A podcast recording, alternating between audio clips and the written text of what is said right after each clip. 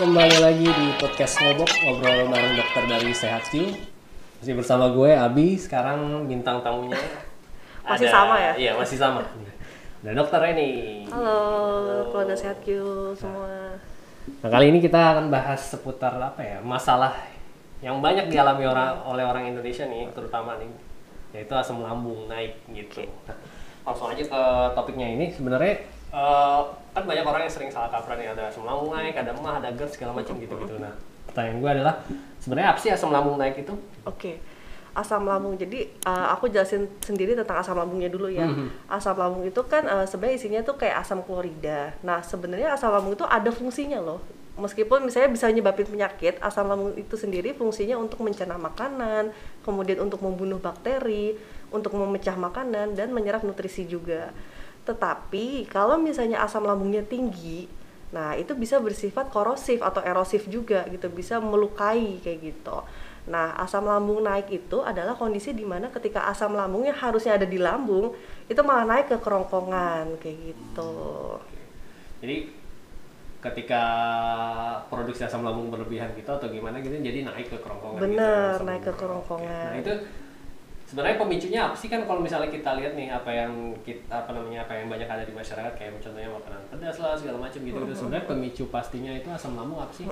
Apa emang ada banyak pemicunya? Sa- sampai tuh hampir semua orang nyebutnya bisa beda-beda gitu. Eh, penyebab asam lambung sendiri itu sebenarnya pemicunya banyak sih. Bisa karena eh, tadi makanan-makanan, misalnya makanan pedas, kemudian makanan yang berlemak, makanan yang diolah, kemudian makanan yang diproses juga, kemudian makanan yang berminyak itu juga bisa. Ada atau ada juga dari gaya hidup, misalnya dia merokok, kemudian eh, konsumsi alkohol, kayak gitu itu bisa juga atau bisa juga karena eh, kehamilan misalnya suatu eh, kondisi tertentu ya misalnya kehamilan atau eh, lansia juga bisa kayak gitu Jadi beberapa pemicu itu tuh bisa ngaruh ke produksi asam lambung atau gimana gitu? Jadi Eh, langsung naik. bisa beresiko untuk eh, terjadinya asam lambung itu meningkat Oke, terus kalau misalnya ngomongin asam lambung ini kan konsepnya bisa beda-beda ya. Yang dikenal masyarakat ada yang ngomongin asam lambung naik itu pasti mah.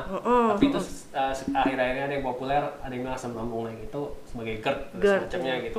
Nah, gue jujur waktu gua asam lambung naik ternyata di di diagnosis sama dokter bilangnya LPR gitu. Nah, namanya nah itu gue juga agak agak, agak bingungin nggak sebenarnya asam lambung naik ini bisa terkait dengan macam-macam kondisi ini kah atau gimana terus perbedaannya dari masing-masing kondisi itu apa sih? Oke, eh, istilahnya memang eh, sebenarnya beda-beda ya. Kalau misalnya asam lambung, eh, kalau misalnya di untuk awamnya sendiri, eh, mah itu kan sama aja dengan dispepsia. Nah, dispepsia itu sebenarnya bukan penyakit, tapi sekumpulan gejala yang ditandai dengan nyeri perut bagian atas, disertai dengan gejala-gejala lain. Contohnya eh, perutnya cepat kenyang, cepat ngerasa begah, kemudian sendawa, kembung, yang kayak gitu. Kemudian kalau misalnya yang kedua adalah GERD. Nah, GERD itu uh, paling banyak juga nih yang dialami oleh uh, beberapa orang terutama kaum milenial atau kaum muda gitu. Kenapa? Karena banyak banget orang-orang uh, sekarang ini abis makan itu rebahan. Oh gitu, itu pemicu. Bener. Pemicu terjadinya uh, GERD juga. Jadi kayak GERD itu kan tadi kayak asam lambung naik ke kerongkongan.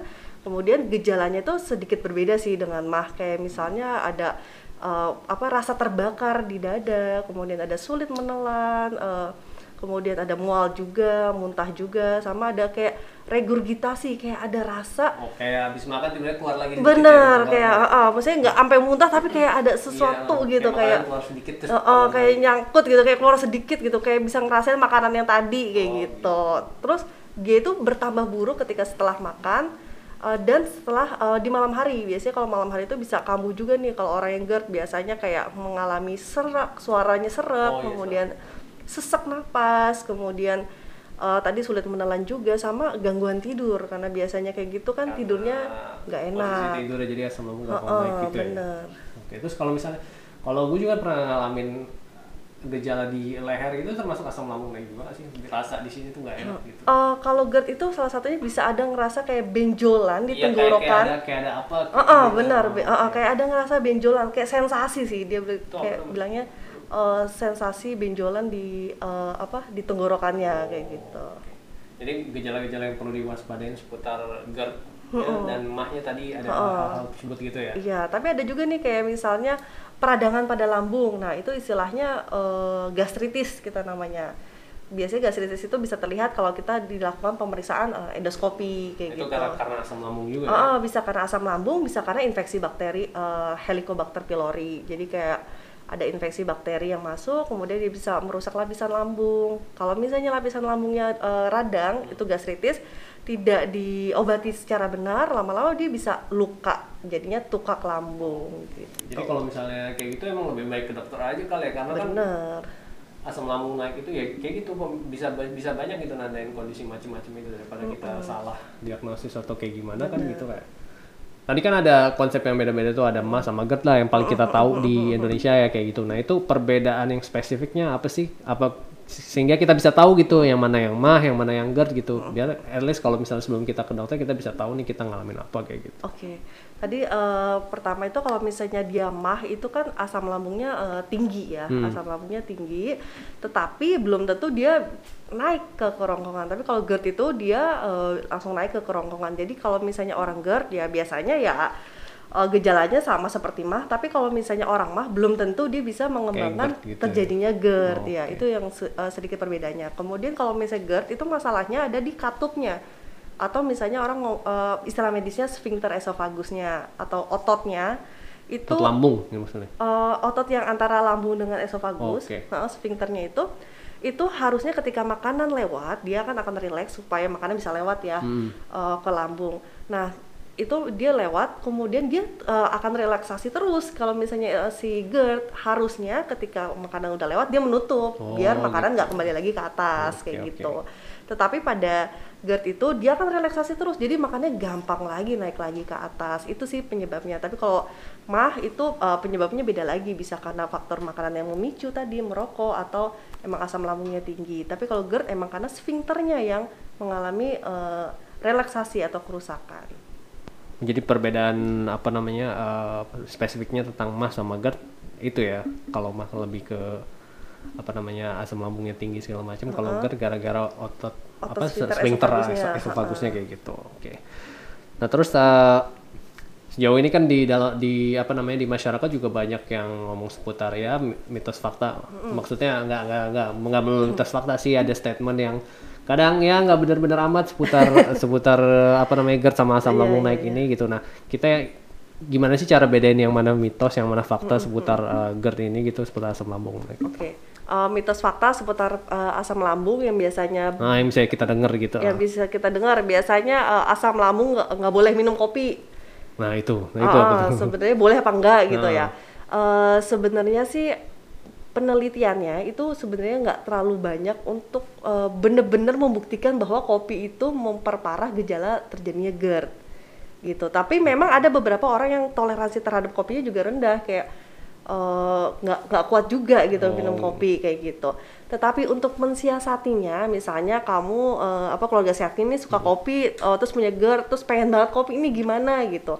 Carilah kopi yang kafeinnya lebih rendah. Atau yang di cave gitu ya? Uh, uh, Karena semakin uh, kopi biji kopi itu dipanggang atau di roasting itu semakin tinggi kafeinnya. Misalnya contohnya black coffee itu lebih tinggi dibanding latte yang kayak gitu-gitu. Jadi uh, asam lambung itu masih boleh minum kopi asal tidak uh, tidak terlalu banyak dan maksimal satu aja. Kalau bisa gelasnya tuh yang ukuran kecil ya. Cangkir gitu Uh, uh, secangkir dan carilah kafeinnya yang uh, kadarnya Rendah. rendah. Oke. Apa lagi tuh selain kopi? Selain kopi, eh, katanya yogurt eh, bisa bahaya buat sakit mah karena sifatnya tuh asam. Nah itu sebenarnya yogurt itu memang asam, cuma eh, boleh eh, malah bagus untuk GERD. Kenapa? Karena si asamnya di yogurt itu bisa eh, menyeimbangkan si eh, ada probiotiknya itu bisa bakteri-bakteri baik bisa melawan si Helicobacter pylori penyebab sakit mah gitu. Jadi nggak apa-apa makan yogurt, cuma lebih baik yogurtnya yang rendah lemak karena kan salah satu pantangannya juga nggak boleh makan yang tinggi lemak ya bisa nyebabin eh, sakit gitu. Jadinya kalau bisa cari yogurt yang rendah lemak aja. Terus kalau susu sama produk susu gimana? Kan kadang ada orang minum susu tiba-tiba sakit perut segala Uh-uh. macam gitu. Itu ada kaitannya nggak kalau gitu? Susu, oke, susu itu sebenarnya eh, bagus, nggak apa-apa untuk eh, pengidap mah.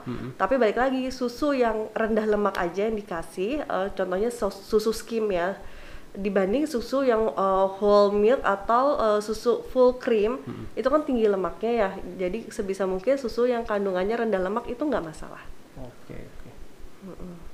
Nah, terus ada lagi gue gue pernah dengar cerita eh enggak cerita eh semacam thread di Twitter gitu sih kalau misalnya orang orang GERD tuh ada yang sampai kurus banget terus ada ada yang apa namanya bahkan ada ada beberapa kasus sampai meninggal gitu. Emang eh, kalau GERD tuh emang pasti bah- sebahaya itu kah bisa, bisa sampai meninggal atau nggak sampai kurus banget kayak gitu? Oke, kalau misalnya GERD dinyatakan apakah itu mengancam nyawa, itu sebenarnya enggak. Enggak. Enggak, oh, enggak gitu. enggak, enggak mengancam nyawa. Tetapi kalau GERD yang berkepanjangan, yang kronis, kemudian dia tidak ditangani dengan baik, kemudian Nggak di- nggak minum obat gitu. ya? Heeh, ibaratnya nggak kontrol juga, nggak minum obat, itu bisa sih menimbulkan eh, komplikasi. Salah satunya adalah Barrett esophagus, itu merupakan eh, pre-cancer yang terjadinya eh, kanker esofagus. Jadi misalnya sebelum cancer ada pre-nya dulu, itu Barrett esophagus bisa nyebabin kanker esofagus juga, sama yang terakhir itu bisa nyebabin eh, struktur atau kan misalnya luka ya esofagusnya ya karena korosif tadi itu eh, dari apa asam lambung itu dia menimbulkan luka. Nah, lukanya itu kan ada bekas lukanya. Bekas lukanya itu nama, nanti lama-lama akan menjadi struktur penyempitan. Sempit, kerongkongannya jadi sempit gitu. Kerongkongannya jadi sempit. Iya, jadi kan kalau sempit makanan susah dong lewatnya. Nah, itu bisa eh, merupakan komplikasi yang bisa berbahaya nantinya gitu. Kalau misalnya GERD-nya berkepanjangan, kronis dan tidak ditangani dengan baik.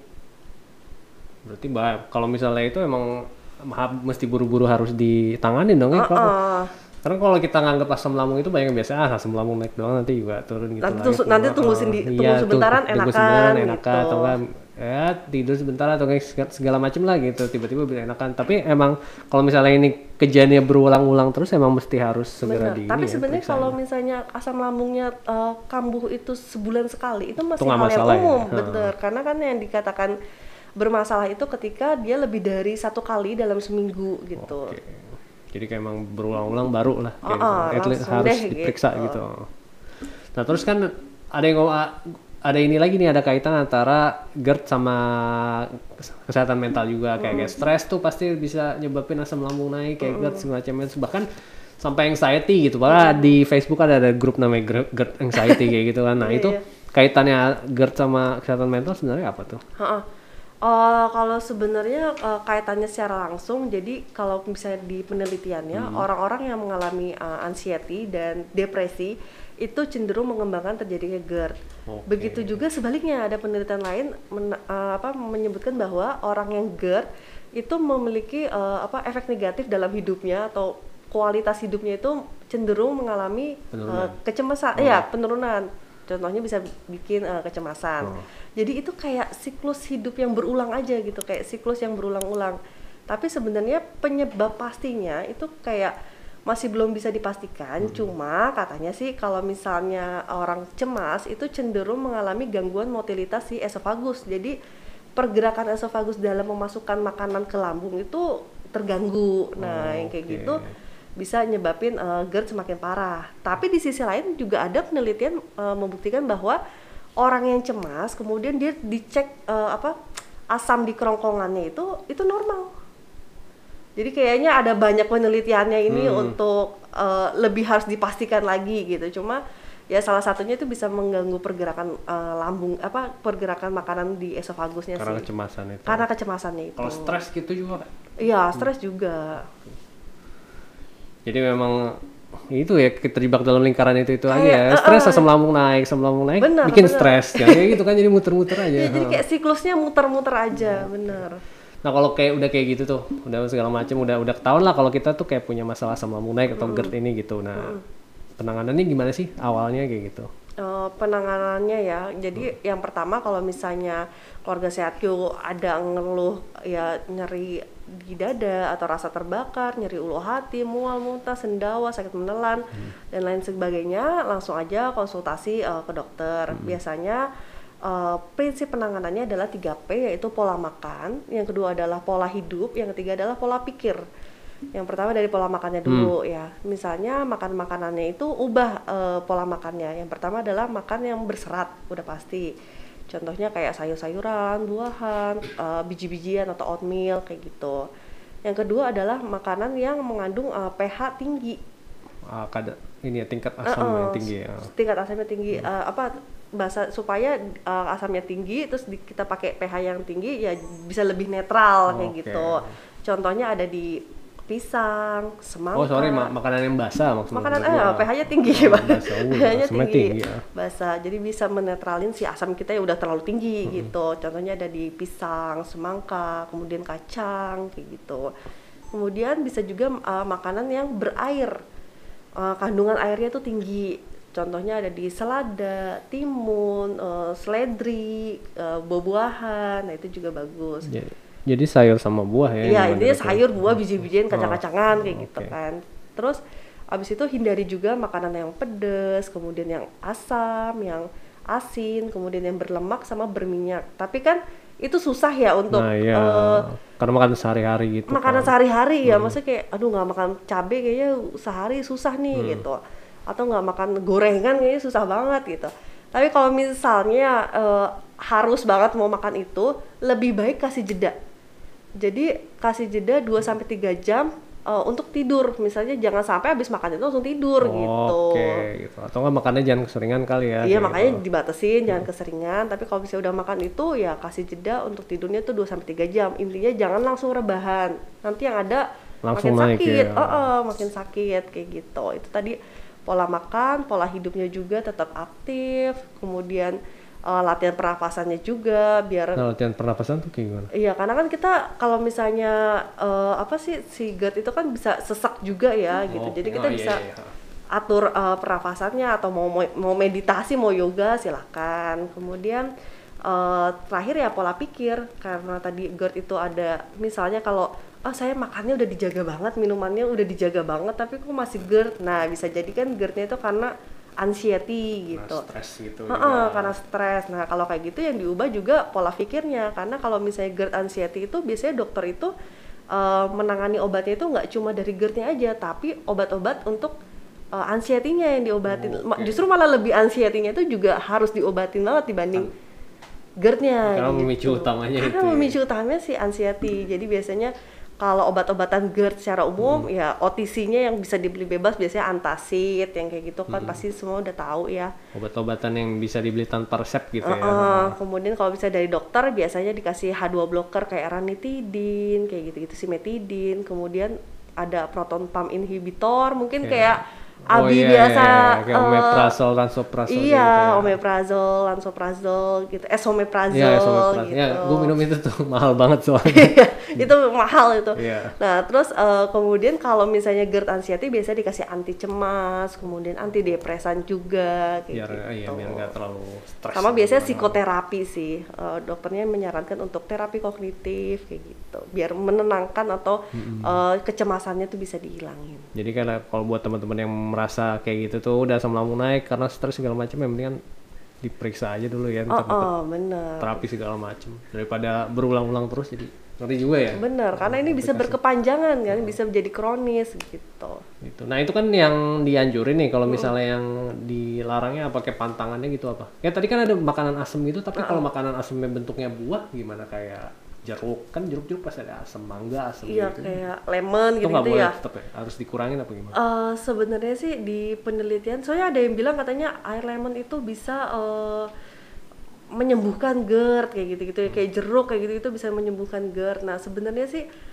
penelitiannya tuh masih eh, kurang kuat gitu karena masih Oke. sedikit buktinya kayak gitu. Ada soalnya ada juga penelitian tahun 2012 bilang si lemon yang kayak citrus gitu bisa eh, eh, bisa meredakan masalah pencernaan gitu. Tetapi eh, di penelitian lain itu malah kayak bisa memperparah terjadinya GERD. Iya karena sifatnya asam ya. Heeh, sifatnya asam. Tapi kan katanya dikasen air. Nah, kalau misalnya lemon itu kan pH-nya 3, air itu pH-nya 7. Nah, kalau ini gimana gitu? Ya itu sebenarnya nggak asam, nggak basah Iya. juga. Jadi kayak tetap tetap nggak bisa juga gitu untuk eh, menyembuhkan terjadinya GERD gitu. Jadi Oke. kayak kayak penelitiannya masih kurang deh kalau misalnya asam-asam sebaiknya dihindari Hmm. gitu. Kayak asam pedes pasti di, di dihindari atau enggak at least dikurangin lah kayak Eh, gitu oh, ya. setidaknya dikurangin. Nah, Kalau dari segi lifestyle tuh apa gaya hidup Eh, gaya hidupnya tadi yang yang perlu dihindari gitu. Setelah kan tadi kan yang pernah diba- yang dibahas kan nggak boleh tidur habis makan tuh. Terus apa lagi? Eh, sama ini sih lifestyle-nya harus jaga berat badan sih. Soalnya salah satu eh, faktor resiko GERD itu obesitas juga. Oh. Jadi kalau misalnya kita punya eh, kelebihan berat badan ya sebaiknya eh, setidaknya diet untuk dikurangi berat badannya lagi. Ya sama tetap aktif secara fisik, kemudian ya nggak boleh langsung tiduran setelah makan kayak gitu. Sama nggak boleh telat makan sih. Jadi Oh, kayak iya. Hmm. makannya sedikit-sedikit aja tapi sering dibanding eh, dibanding makan tiga kali dalam porsi besar lebih baik makan sedikit-sedikit tapi sering kayak lima kali gitu tapi Bener. lebih kecil ya porsinya gitu dalam porsi yang eh, kecil-kecil. kalau pola makan berarti kalau misal tiga kali kan kita makan besar-besar gitu kalau yang porsi kecil itu dalam bentuknya apa apa makanan besar itu dipecah aja jadi kecil-kecil apa Eh, boleh tiga makan besar dua kali cemilan tapi makan besarnya itu nggak terlalu banyak. Oh ini kurangin aja porsinya tapi diselingin sama cemilan itu ya. Bener diselingin. kalau nih kita ngalamin asam lambung ini nih kan kita pasti ngalamin gejala-gejalanya juga dong. Nah yang gejala yang bahayanya itu apa sih? Yang benar-benar kita harus oh ya nih kita harus ke dokter nih kalau udah ngalamin gejala ini gitu tuh apa? Oke, Eh, yang ditakutkan antara GERD ini sebenarnya adalah kan gejalanya itu hampir mirip akan serangan jantung. oh, oh Karena iya. nyeri dada ya kan, nyeri dada rasa terbakar yang gitu-gitu. Nah, kita tuh jangan mengabaikan kayak ini pasti GERD, belum tentu loh, karena banyak juga kasus yang kayak gitu ternyata serangan jantung gitu nyampe UGD gitu, GERD enggak serangan jantung iya gitu ya, itu lebih mematikan gitu. Jadi kalau misalnya keluarga sehat punya keluhan mengalami nyeri dada atau rasa terbakar, apalagi nyerinya tuh menjalar ke rahang atau ke belakang atau ke belikat gitu, eh, langsung ke dokter. Kemudian tadi sensasi panas, kemudian mual atau muntahnya juga berlebihan Kayak karena muntah kan asam gitu muntah asam iya, iya oh. juga. Atau enggak mungkin ada muntahnya tuh kayak warnanya tuh eh, beda gitu. Iya. kayak misalnya muntah kan warnanya bening atau putih gitu tapi warna kuning ya warnanya kecoklatan kayak gitu atau kehitaman. Nah itu juga warning sign juga. Terus atau juga eh, buang air besarnya warnanya udah hitam kemudian eh, udah sulit untuk makan kayak nggak nafsu makan sampai badannya kurus tadi. Misalnya berat badannya tuh udah turun signifikan. Sebaiknya ke dokter biar dikasih penanganan yang kayak gitu Oh, oh, biar tahu misalnya apakah ini eh, masalahnya di pencernaan atau memang ada organ lain juga yang kayak gitu. Kalau dari anxiety mungkin kalau udah sering banget terjadi kayak gitu ya. Oh, oh, anxiety oh, biasanya sih beda perbedaannya meger dia ada tambahan gejala cemas kayak eh, jantungnya berdebar-debar, nafasnya cepet, keringet dingin. Nah, itu langsung aja ke dokter karena misalnya eh, bukan hanya anxiety, tahu-tahu malah uh, takikardi karena jantung ya kan. Iya, Itu juga ditakutkan juga kan gitu. Oke, jadi intinya ya udahlah jangan disepelein lah kalau udah kalau udah sering Bener. terjadi gitu. Apalagi udah gejalanya udah parah kayak kayak tadi dadanya sesak segala macam gitu ya. Nah, itu aja ya pembahasan kita hari ini ya. Kayak soal GERD ini sebenarnya masih panjang tapi hmm karena waktu kita terbatas ya jadi ya udah. Kalau masih ada pertanyaan mungkin Nih, bisa iya. tanya. Kalau masih ada pertanyaan bisa langsung konsultasi dokter di Sehatki ya. Buka aja sehatki.com nanti ada pilihan konsultasi dokter langsung aja. Nanti bisa chat dengan dokter. Kalau misalnya ada kalau perlu diresepin dokter nanti diresepin resep segala macam kayak gitu-gitu ya. Oke. Nah, sudah saatnya kita berpamitan sampai jumpa di episode berikutnya.